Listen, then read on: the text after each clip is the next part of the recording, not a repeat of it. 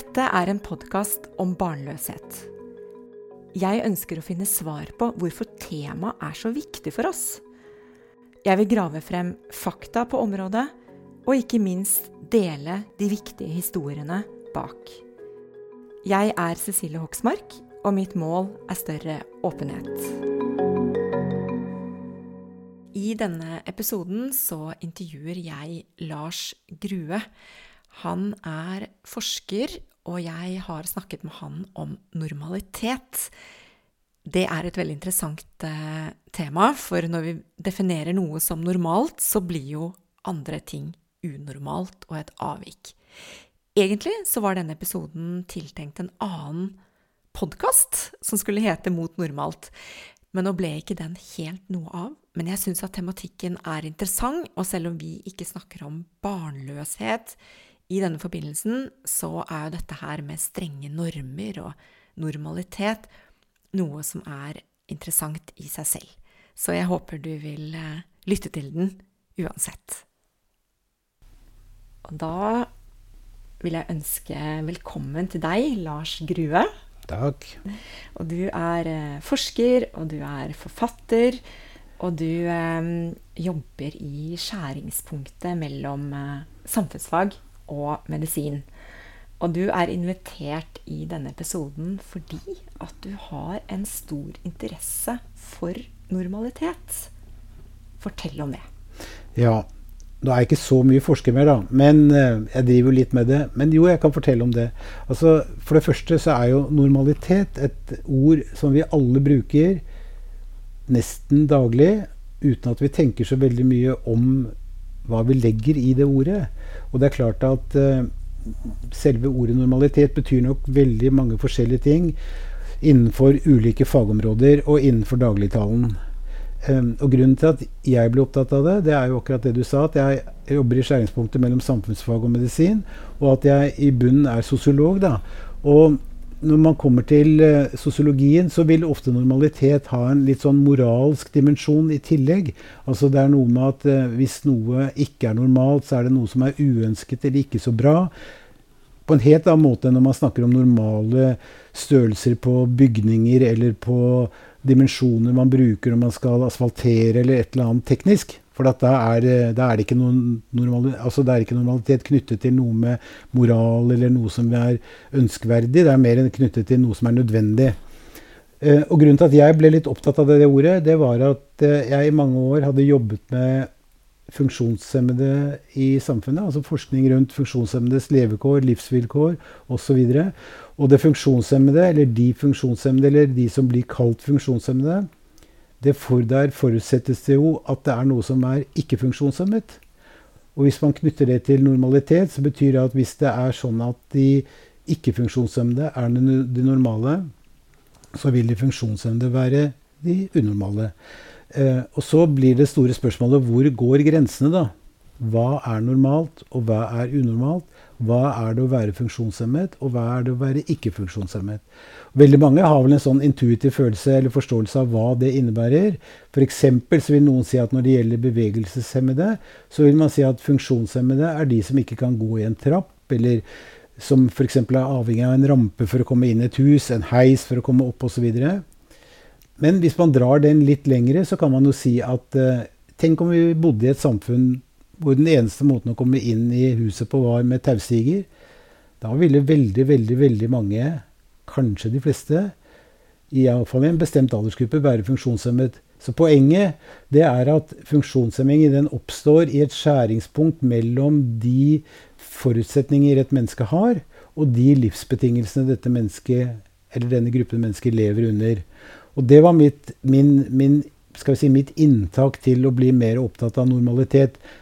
Men da jeg jobbet med funksjonshemmede, så hadde jeg egentlig ikke så mye tid til å skrive om sånne ting. fordi at jeg var oppdragsforsker, og det betyr at jeg hvert år omtrent, eller kanskje hvert annet år, hvert tredje år hvis jeg var riktig heldig, måtte skaffe penger til et nytt prosjekt. Og måtte levere i tide, for hvis man leverte litt for sent, eller ikke i gåseøyne bra nok, så mistet man kanskje muligheten for å søke neste gang.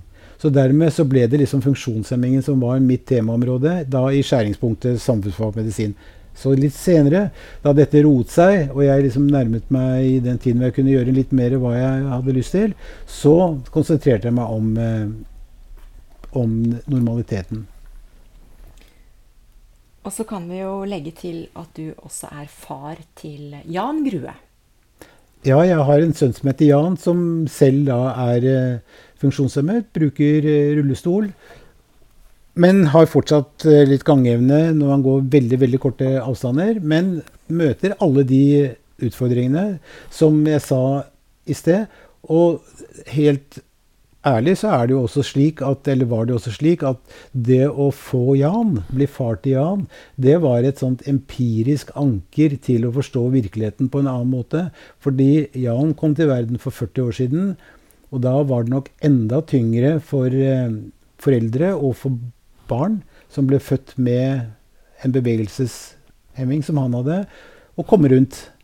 Bare det å komme inn i et hus, bare det å kunne komme inn i en, eller ta en drosje, bare det å kunne ta en tur til utlandet, var en eh, svært krevende ting. Sånn at da ble jeg litt mer oppmerksom på hvilke utfordringer man møter som funksjonshemmet. Og jeg begynte å spørre meg hva er det egentlig vi vet, og hvor er det problemene ligger, og hva kan eventuelt jeg gjøre gjennom den virksomheten jeg har, for at noen av de problemene kan bli bedre belyst enn det er i dag. Mm. Så Jan var et eh, helt klart altså et lite empirisk eller et, et forståelsesmessig anker for min, eh, min, interesse for det feltet. For før det så hadde jeg drevet med andre ting. Mm. Og jeg um har lurt på hvor langt er mennesket villig til å gå i på en måte en systematisk avvik. Og på en måte um, gå inn for og liksom bestemme seg for at det er bestemte grupper som er avvik i samfunnet. Eh, og jeg lurer på hvorfor vi er så opptatt av det, hvorfor dette oppstår, og, og om du kan ha Du har sikkert noen gode eksempler. Ja, men det er, veldig, det er, et veldig, viktig og et veldig stort spørsmål, det du kommer med. Altså, og jeg kan nok ikke svare helt sånn fyllestgjørende på det. Men, men, men altså de historiske eksemplene eh, Uten at vi skal bare snakke historie, men de historiske eksemplene på hvor langt man er villig til å gå, de er jo svært tydelige.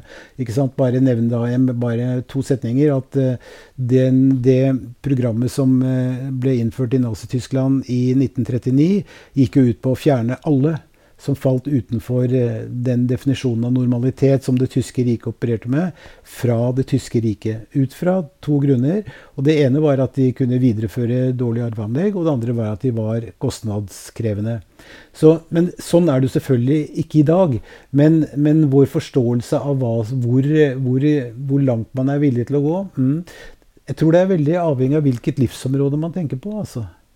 Det tror jeg nok. Altså, hvis det gjelder sånne enkle ting som eh, skal vi si, å gjøre bygninger mer tilgjengelige og gjøre verden mer eller bedre for mennesker som ser dårlig, hører dårlig, tenker litt langsommere enn oss andre, så har jeg på følelsen at man eh, kan gå ganske, at man er villig til å gå langt i dag for å inkludere. Men vi leser jo stadig vekk i avisene om at uh, man setter noen grenser, og at uh, ofte så blir det de grensene litt uh, skal vi si strenge grensene satt av økonomiske hensyn. Da, og kanskje Ja, jeg håper iallfall at det først og fremst er sånne, sånne ting som ligger til grunn for de grensene som settes, og at det ikke er ideologiske grenser. Men vi kan godt komme litt inn på det, for det er tegn i tiden som er litt uh, For meg iallfall litt urovekkende. Ja, og hva tenker du på da? Altså jeg tenker på Altså, skal, vi skal ikke gå inn i den store diskusjonen om aktiv dødshjelp og altså de menneskene som frivillig ønsker å avslutte et liv pga. store utfordringer, problemer, vanskeligheter. Men realiteten er jo sånn at uh, i noen land, særlig Belgia, Nederland og uh, delvis Sveits, så er det sånn at også yngre mennesker med psykiske problemer, med utfordringer, problemer i livet, Altså, de finner ikke mening i tilværelsen. De finner, føler at de ikke lever et godt nok liv. Kan få innvilget uh, aktiv dødshjelp. Og da syns jeg vi er liksom litt på vei inn i en tenkning hvor vi begynner å gradere hva som er et godt liv, som minner iallfall litt om det som vi, mange av oss, da, håpet var lagt bak oss. Ja. Har du um, noen eksempler fra Norge? Det kan godt være historiske eksempler. På akkurat dette her? Ja, på hvor langt vi er villige til å gå. Hvor uh, vi tenker med grøss og gru. Hva, vi, ja, på akkurat det vi snakker om? Ja. ja.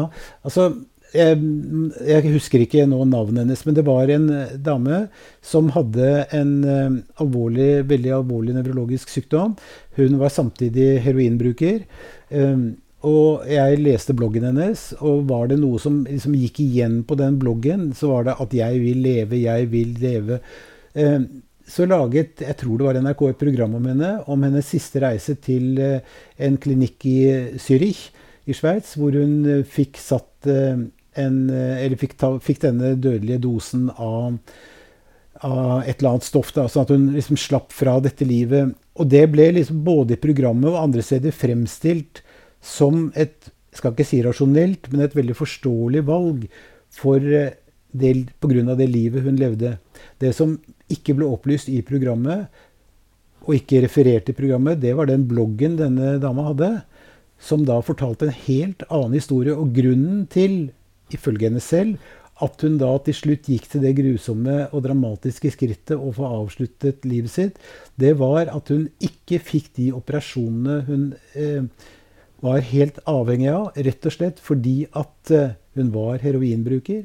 Man var redd for at hun igjen skulle falle inn i heroinbruket. Og det var en argumentasjon som helsevesenet mente gikk over veldig mye annet når det gjaldt prioriteringer av henne versus andre. Så hun fikk rett og slett navn Eller ikke navn, hun fikk rett og slett en eh, bom ned for det livet hun kunne ha levd. Og da hadde hun ifølge henne selv, én utvei, og det var den, den, hun valgte. Og det er andre, altså det er en Kari Austestad-saken som jeg bør ikke gå i detaljer på, men som ligger 30-35 år tilbake, er egentlig noe av det samme. Sånn at det er ikke noen veldig fremtredende ting i norsk virkelighet i dag. Men eh, hvis man skal tippe, eller jeg skal tippe, så vil jeg tippe at om ti år så er også Norge omtrent, tror jeg, der hvor eh, Belgia og Nederland er i dag. Og i Belgia så er det vel sånn at hvert 18. Eh, dødsfall er eh, et selvvalgt dødsfall. Og hva er det som gjør at du tenker at vi kommer dit? Fordi vi stadig flytter grensene? Ja, vi, altså vi, jeg, tror at, jeg, tror at, en av grunnene til at vi kommer dit, det er som igjen follow the money. Jeg tror at det har noe med penger å gjøre. Ressurser. Hvem skal få hva? Og jeg tror også det har noe med alle menneskers, meg selv inkludert, eh, forestilling om hva som er et godt liv. Altså at vi, vi, vi, vi, skal leve et liv som på mange måter er litt sånn konstruert andre steder enn i den verden vi faktisk lever i. Og da tenker jeg på hvis man ser filmer, hvis man leser på alle sosiale medier og sånt, så er det, det er veldig altså Innimellom så er det selvfølgelig noen som fremstiller livet sitt som eh, forferdelig, alt dette her. Men veldig ofte så får man et litt sånn glansbildeaktig bilde eller fremstilling av det som er et godt liv. Eh, og dette gode livet, det er relativt eh, uproblematisk. Det har få utfordringer. Og det er klart at hvis man står i en virkelighet som er mer komplisert og er mer krevende, og man sammenligner det livet med det livet som de andre der ute lever, så kan man jo føle seg litt nedstemt. da. Og hvis denne nedstemtheten eh, får en for fremtredende plass, så tror jeg man kan ta noen rare beslutninger. Hvis jeg kan si en liten ting til, så vil jeg si at sant, da jeg skrev eh, en bok for noen år siden om, om, normalitet, så var jeg litt opptatt av hva er det som gjør at veldig, veldig, veldig mange, særlig unge jenter, men også e-, eldre kvinner og etter hvert også menn, foretar plastisk-kirurgiske inngrep. Og da, nå er jeg ikke moralsk, altså Dette er ikke moralisme fra min side. Det er mer en sånn beskrivelse og litt sånn opplevelse av det som skjer. Og når jeg begynte å studere litteraturen litt, så fant jeg at eh, en veldig vesentlig grunn for veldig mange til å ta en plastisk-kirurgisk operasjon, det var for å bli penere. Altså bli mer fornøyd med sitt eget ytre. Om det er ansikt, bryster, rumpe, hva det måtte være er ikke så vesentlig, men poenget var at man søkte mot noe som var mer perfekt. Altså et bilde av det perfekte. Og så kommer det litt dramatiske i de undersøkelsene jeg var borti. da, Det var at eh, de færreste ble jo langvarig lykkelige av de inngrepene de hadde gjennomgått. Og faktisk er det også sånn eh, at eh, i et par undersøkelser som jeg leste, så var det en større forekomst av altså selvmord, da, for å bruke det dramatiske ordet, men det var det det var, blant personer som hadde foretatt plastisk-kirurgiske inngrep kanskje flere ganger. Og det er vel kanskje et lite sånn tegn på da, at man løser liksom ikke virkelighetsproblemene med å prøve å bli mer perfekt eller mer lignende det bildet som man tror er et uttrykk for det ideelle utseendet, livet osv. Som da blir pøst på oss og pøst på syns jeg, stakkars unger, fra de knapt kan gå, altså. Ja, det, var, det ble liksom litt eh, strengt, dette, men det er, det er, det er iallfall tanker jeg har, da. Sånn at uh, denne forestillingen om uh, det perfekte Men føler du at uh, normalitetsbegrepet er innsnevret? fra hvordan det var før? akkurat når, ja, altså akkurat når det gjelder ja, akkurat når det gjelder utseende og de, si, de kroppslige og mentale og, og, forutsetningene vi har for å kunne leve som vanlige mennesker i en vanlig verden, så tror jeg kanskje det. Fordi at uh, da jeg altså, Jeg skal ikke bruke meg selv. Altså, jeg, jeg, jeg, tror det. Og en liten sånn uh, Det rare med det, det er at for en tid tilbake så var jeg i et program som heter Verdibørsen på NRK P2. Og da snakket vi litt om sånn utseende og, og endringer i utseendet og sånt nå. Og så hadde de laget en liten sånn ankett før programmet. Hvor de hadde intervjuet unge jenter på gata. Og så hadde de spurt liksom om hvordan de ønsket å se ut og sånt noe. Hvordan de så ut. Og alle hadde da sånt Eller ikke alle, men noen ga da en sånn referanse til til Instagram, og det portrettet de brukte av seg selv på Instagram. Og så sa de at men alle vet jo at det bildet er jo helt manipulert og feil. Men ja, ja, men. Men altså, så er det dette manipulerte bildet av seg selv man uten blygsel presenterer i F.eks. På, på sosiale medier for å vise hvem man er, iallfall hvordan man tror man er, hvordan man ønsker at andre skal tro at man ser ut. Og så vet man samtidig at det er en, er en feil. Og det Altså Med fare for å snakke for mye altså, en av, en av Gjør det likevel. Ja, ok. Altså, en av grunnene til at jeg skrev den der normalitetsboken, det var at jeg var veldig fascinert av en, det som skjedde i den greske antikken. Der var det en gang en maler som het Soxis. Han skulle lage et portrett av den skjønne Helena, som skulle utsmykke et uh, tempel i en italiensk by. Det spiller ikke noen rolle hva den byen het. Poenget var at på den tiden så var den ultimate skjønnhet den var hos de guddommelige. Helena var jo en guddommelig størrelse. Eh, hvordan kan man portrettere det guddommelige ved å bruke vanlige mennesker som modeller? Det går jo ikke. Så det han gjorde, han eh, sukses, det var at han fikk alle, eller de fleste av de vakreste kvinnene i eh, denne byen til å komme. Og så valgte han en arm av den ene, et kinn av den andre, en nese fra den tredje, et, eh, kanskje bryster fra den fjerde, osv. Og, så og så satte han de sammen som det nærmeste han kunne tenke seg at den skjønne Helena skulle være på det portrettet som han etterlot. En overjordisk skjønnhet som hadde elementer fra den menneskelige skjønnhet, men som var sammensatt av noe langt mer. I dag finner vi ikke det, men vi fikk for mange år siden Adobe Photoshop. Og vi fikk etter hvert også Instagram, og vi fikk 18 eh, apper med billedmanipulering som du kan laste ned. Så noe av det samme skjer. sånn at hvis man skal være litt sånn eh, eh litt sånn høytidelig, så kan man kanskje si at eh, det guddommelige har liksom sånn senket seg ned på jorden og tatt bolig blant eh, veldig mange mennesker, ikke minst blant unge mennesker, som ikke skal presentere noe i et tempel. Hvis vi da ikke velger å si at eh, Facebook og Instagram og Snapchat og hva det måtte være, er vår tids tempel. Iallfall vår tids fremstillingssted for utseende. Mm. Og hvordan man ønsker å bli sett. Mm. Så ja. Jeg har tidligere snakket med mm, Thomas Hilland eh, Eriksen om at eh, vi i Norge har et samfunn med strenge sosiale normer. Og da har jeg lurt på hvilke grupper i Norge er det som i dag kan føle at de er unormale? Uh, altså Det også er et kjempestort og viktig spørsmål. og Jeg er nok ikke den helt rette til å svare godt på det. Altså, men, uh, men, jeg har også igjen lyst til Jeg liker litt sånne litt sånne indirekte innganger til, til, spørsmålene dine, som er veldig fine. Og det jeg vil si, er at jeg tror på mange måter at uh, foreldre og barn, og særlig barna, kan ha den følelsen eller få den følelsen. Og det jeg er litt opptatt av, det er hvordan vi lever i dag i en, et samfunn og en kultur som i større og større grad eh, diagnostiserer og lager psykiatriske problemer ut av helt vanlig atferd, ikke minst hos barn. Altså, vi er jo alle kjent med den eksplosjonen som har skjedd innenfor diagnoser som ADHD, autisme, Aspergers syndrom som en variant av autismen osv.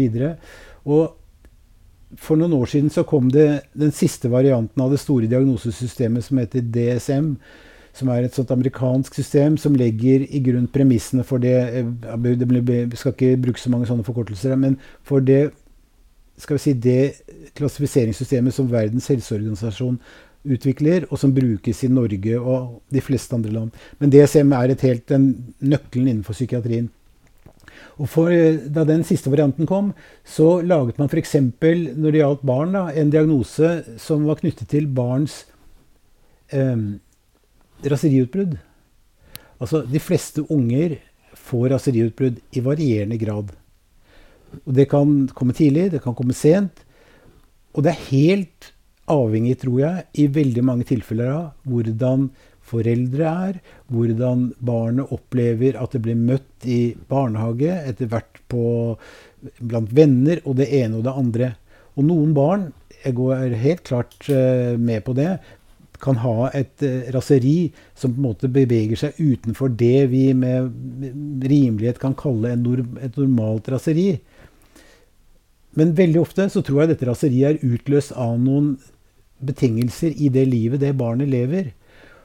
Men det enkleste, og da dette her kommer tilbake til spørsmålet ditt, det er at uh, vi har satt noen grenser for hvor disse raseriutbruddene skal finne sted, hvor store de skal være, hvor ofte de skal være.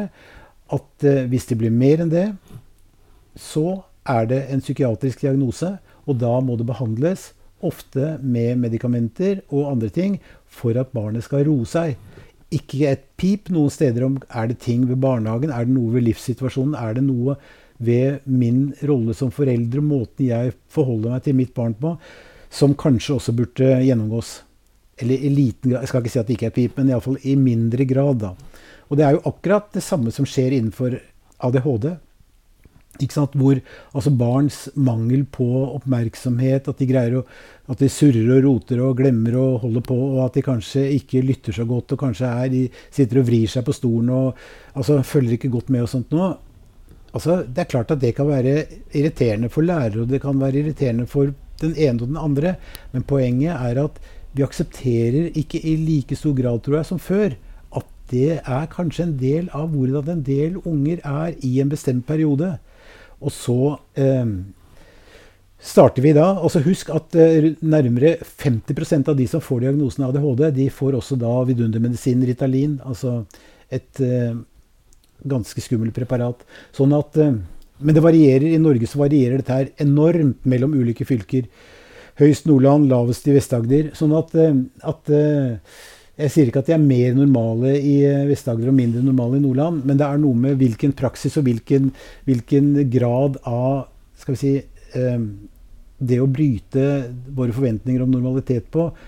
Eh, hvor de kan nok være avhengig av både av lærerstand, helsevesen, foreldres oppdragelse, opp, foreldres væremåte osv. Så, videre. så det er veldig store ting. Men jeg har lyst til å si, siden du sa det med normal... Jo, altså det er, sånn, det er kanskje litt på kanten-eksempel. Men, og jeg sjekket det senest i dag, fordi at uh, det står akkurat det samme i, i Store norske leksik medisinske leksikon i dag som da jeg skrev om det der for mange år siden. Og det er en, en sykdom som særlig rammer unge menn mellom 15 og 25 år. Den heter frotturisme. Altså frottør, som er vel å frottere seg, det er å gni seg. Og gni seg med et håndkle. ikke sant? Og dette er menn da, som eh, eh, gnir seg inntil særlig kvinner på T-baner, andre trange steder, som et uttrykk for en sånn seksuell opphisselse. I Japan er det veldig vanlig. Der står jo også folk enda tettere på T-banen. Men det finner sted i Norge også. Men som jeg sier, det, og det er en psykiatrisk diagnose som skal behandles. Det beroligende det er jo også at de to Det, var, det er Benestad som er eh, psykolog, psykiater, psykolog. Nei, unnskyld, han er lege med, med Han er lege. Også Ulrik Malt, som er liksom nestoren i norsk psykiatri, som da har gått god for denne artikkelen i dag. Og den står også som en, som en egen diagnose i, i DSM-systemet. Men den, altså den, forsvinner da takket uh, være aldring, kanskje. Når du er rundt 25, da er det veldig sjelden at, at du lider av frotorismen min. Men det kan også være et sånt ikke sant, det er klart at det er en uønsket atferd disse mennene bedriver. Og ingen syns at dette er noe ålreit i det hele tatt. Aller minst de som blir utsatt for det. Og jeg sier ikke at det er normalt, eller sånt noe, men selve den skal vi si, den litt ukontrollerte driften, driven, som ligger i noen av disse mennene her, som de ikke har, eller ikke vil, eller hva det måtte være, i gåseøynene temme, er det et uttrykk for noe annet, eller er det psykiatri? Sånn at det er noe med at liksom, Jeg syns at psykiatrien den kommer nesten før du roper på den. Så kommer psykiatrien og ordner opp. Og den, eh, det, der, der, er det jo skrevet veldig mye interessant de senere årene. da, sånn, uh, av, av, kritikere av en sånn overdiagnostisering som nok skjøt fart for en 15-20 år siden, da DSM nummer tre kom. Og en av de som er den største kritikeren i dag, det er eh, en som het, ja, Det spiller ikke noen rolle hva han heter, men det var han som var ansvarlig, en mann, da, som var ansvarlig for nummer fire av disse variantene. Det var den varianten som innførte Aspergers diagnose som en diagnose. Og noe av det denne personen sier, det er at er det noe han angrer på i dag? Og han liksom biter seg nesten i armen for at de tok og introduserte Asperger. For da Asperger-diagnosen kom, så skjøt virkelig denne graden, eller denne typen autisme i været. Hva tror du, hva tror du man øh, Hva skal jeg si har igjen for å, å stille disse diagnosene? Um, er det noe som er helt positivt uh, ved det? Ja, altså, det, er, det Jeg tenker ofte på det i sånn Kinderegg-variant. fordi at Er det noe man har igjen, så er det at tre ulike grupper føler lettelse. Og da kommer Kinderegget også med tre Det er tre ting. Jeg, er både ja, Jeg husker ikke riktig, det er ingen som har spist Kinderegg. Men, men det, som, det, som, er med det, er at eh, foreldrene puster lettet ut og sier ah, det var en sykdom, det var ikke noe vi gjorde galt. Læreren sier å, heldigvis, nå har prikk, prikk fått eh, behandling og medikamenter, så hun eller han er mye roligere. Og legen sier og jeg er så glad hver gang jeg kan gjøre noe nyttig som hjelper folk. Så iallfall Og den, vi kan ta med en sånn fjerde, da, og den farmasøytiske industrien sier at jippi, enda større marked for eh, et produkt vi trodde vi ikke ville få solgt så mye av. Kanskje litt sånn eh, skal ikke si, sånn litt sånn tabloidaktig i uttrykket. Men jeg tror nok mange vil nikke veldig sånn gjenkjennende til en sånn, eh, en sånn måte å tenke på. Altså det er en sånn vinn-vinn-situasjon for ulike involverte. Den ta, store taperen er barnet. I det, akkurat det knyttet til det jeg sa. Fordi at, eh, fordi at eh, barnet blir altså de, de, Med det så mener jeg at en del av de faktorene som kan ha ligget bak barnets reaksjonsmønstre og væremåte og atferd, den blir kanskje ikke grepet tilstrekkelig godt tak i. da. Det blir mer en, eh, et spørsmål om at barnet har en sykdom. Og husk, har du fått en diagnose, så vil nok den diagnosen forfølge deg gjennom store deler av livet. Og kanskje vil det ikke være så veldig ok når du senere skal finne en jobb. Selv om kjente personer som Bill Gates og andre har jo stått frem og sagt at 'jeg har vel litt uh, asperger', altså, og flørter liksom med det. Liksom, men uh, jeg tror om du heter uh, kanskje Trond Pettersen og kommer fra en um, fattig bydel eller kommer fra bygda, altså, så er det ikke like lett å bruke det argumentet for å nå frem. Mm. Det er stigmatiserende. Da vil det kanskje tjene mer til et stigma, ja. Mm. Er det flere grupper i Norge som du tenker eh, Ja, altså Som du kommer på?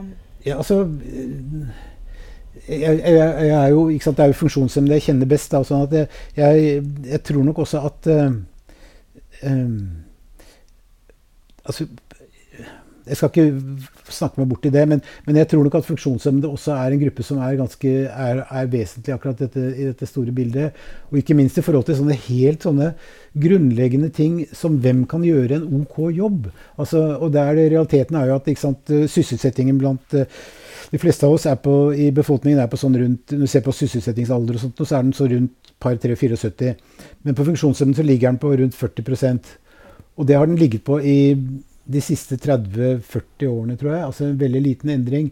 Til tross for at de strukturelle endringene som skjer i samfunnet, åpner jo for et arbeidsmarked hvor mange med nedsatt bevegelighet, nedsatt det ene og det andre, kan gjøre en like bra jobb som mange andre.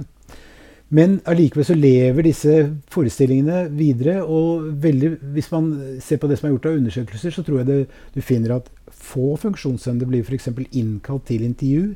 Altså De blir på en måte sånn De er unormale, de er utenfor. De er ikke interessante for oss i denne bedriften.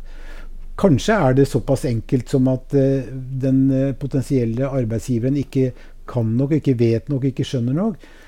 Men ofte så tror jeg det er, eh, så tror jeg ofte det er rett og slett veldig sånne eh, Veldig sånne forenklede og litt sånn stereotype og gale forestillinger om eh, hva som kreves for en bestemt jobb, og hvem som faktisk kan utføre den jobben som ligger til grunn. Altså, sånn at jeg syns at det er eh, lite rom for variasjon på det området.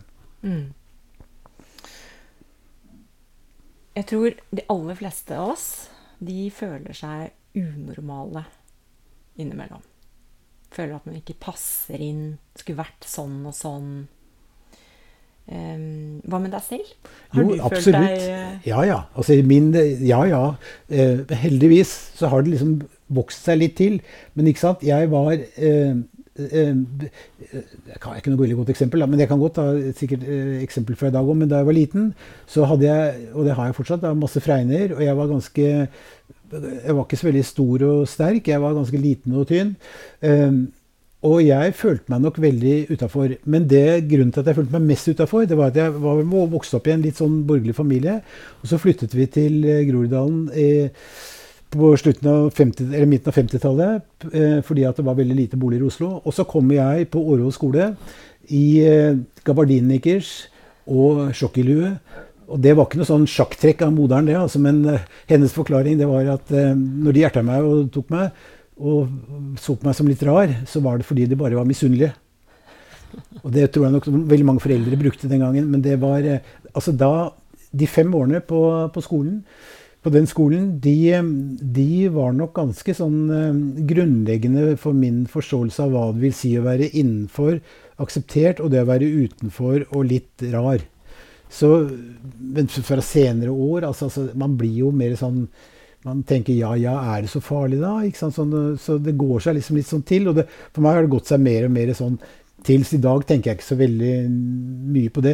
Jeg kan vel som alle andre liksom ønske at, at, at livet hadde vært på noen områder vært annerledes. Ikke veldig annerledes, jeg har hatt det veldig bra. Men det er alltid sånne drømmer. Men noen ganger så griper jeg meg selv i det jeg sa i sted. Nemlig at noen av de forestillingene som man kan få når man ligger der og sutrer f.eks. For, for seg selv en kveld før man skal sone, det er mer bilder som kanskje ikke er reelle. Eller som er presenterte bilder av en eller annen supervellykket person som du har lest om, sett på en film, eller i det hele tatt fått presentert utenfra uten at du har fått spurt han eller henne selv. Hvordan har du det egentlig? Det, så jeg vil si at sånn i det store og hele så skjønner jeg det godt at folk kan ha disse følelsene. Men jeg tror bare at man må tenke at uh, sånn er det. Mm. Vi er, uh, vi er sammensatte mennesker, og vi kan være flinke og gode på noen livsområder, og ikke så flinke og gode på andre områder. og summen Dette her er gjort veldig mye forskning på, altså, hvor man snakker om det globale selvbildet. Og det globale selvbildet er jo delt opp i veldig mange sånne områdespesifikke selvbilder. Og selv om man har et veldig dårlig selvbilde på noen områder, så vil man ofte sånn Ja, ja, ikke sant. Men det viktige i det, det er at de dårlige selvbildene, det er når det er en stor avstand mellom hvordan man er, sånn man føler at man er selv, i forhold til hvordan man ønsker at man skal være. Og hvis man har en mer sånn, skal vi si, gåse en realistisk holdning til hvordan man ønsker å være, ut fra de forutsetningene og det livet man lever, så vil man stort sett være ganske fornøyd med hvordan man er. Og de aller fleste unge iallfall, og jeg, jeg vet ikke, jeg har ikke sett så mange undersøkelser for voksne, men de har et relativt stabilt, godt eh, globalt Altså et helhetlig selvbilde. Da. Mm. Så det er en sånn uh, positivt funn, tror jeg. da tror jeg vi skal avslutte med det, rett og slett. Ja. Tusen takk for at du ville være gjest. Takk for at jeg fikk komme. Takk.